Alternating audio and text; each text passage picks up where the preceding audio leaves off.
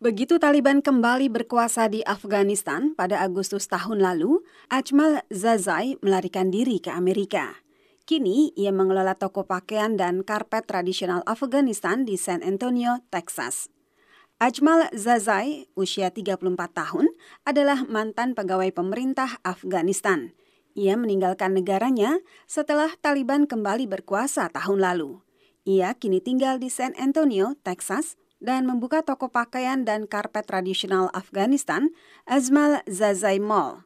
Baginya, toko itu bukan sekadar bisnis, melainkan caranya ikut melestarikan adat istiadat tanah airnya.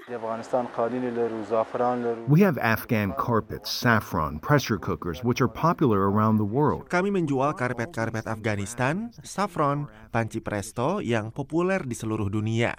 Kami membawa semua itu untuk warga Afghanistan agar tradisi dan budaya Afghanistan tetap hidup. Pengungsi Afghanistan di Amerika diperkirakan menyumbang pendapatan 1,4 miliar dolar dan pajak 200 juta dolar pada tahun pertama kerja mereka, kata Komisi Penyelamatan Internasional, organisasi yang membantu orang-orang yang terdampak krisis kemanusiaan.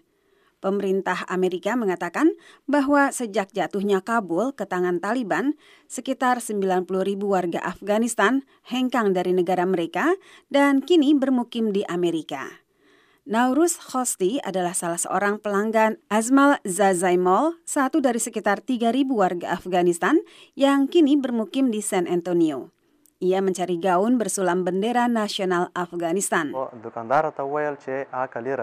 I was looking for the dress with the Afghan flag on it. The shopkeeper told me that they will be bringing those dresses soon. Saya sedang mencari gaun bersulam bendera Afghanistan. Penjaga toko memberitahu saya bahwa mereka akan segera mendatangkan gaun-gaun itu. Terdapat begitu banyak orang Afghanistan yang tercatat berbisnis dalam komunitas bisnis di San Antonio, sehingga mereka berencana memamerkan barang-barang mereka bersama.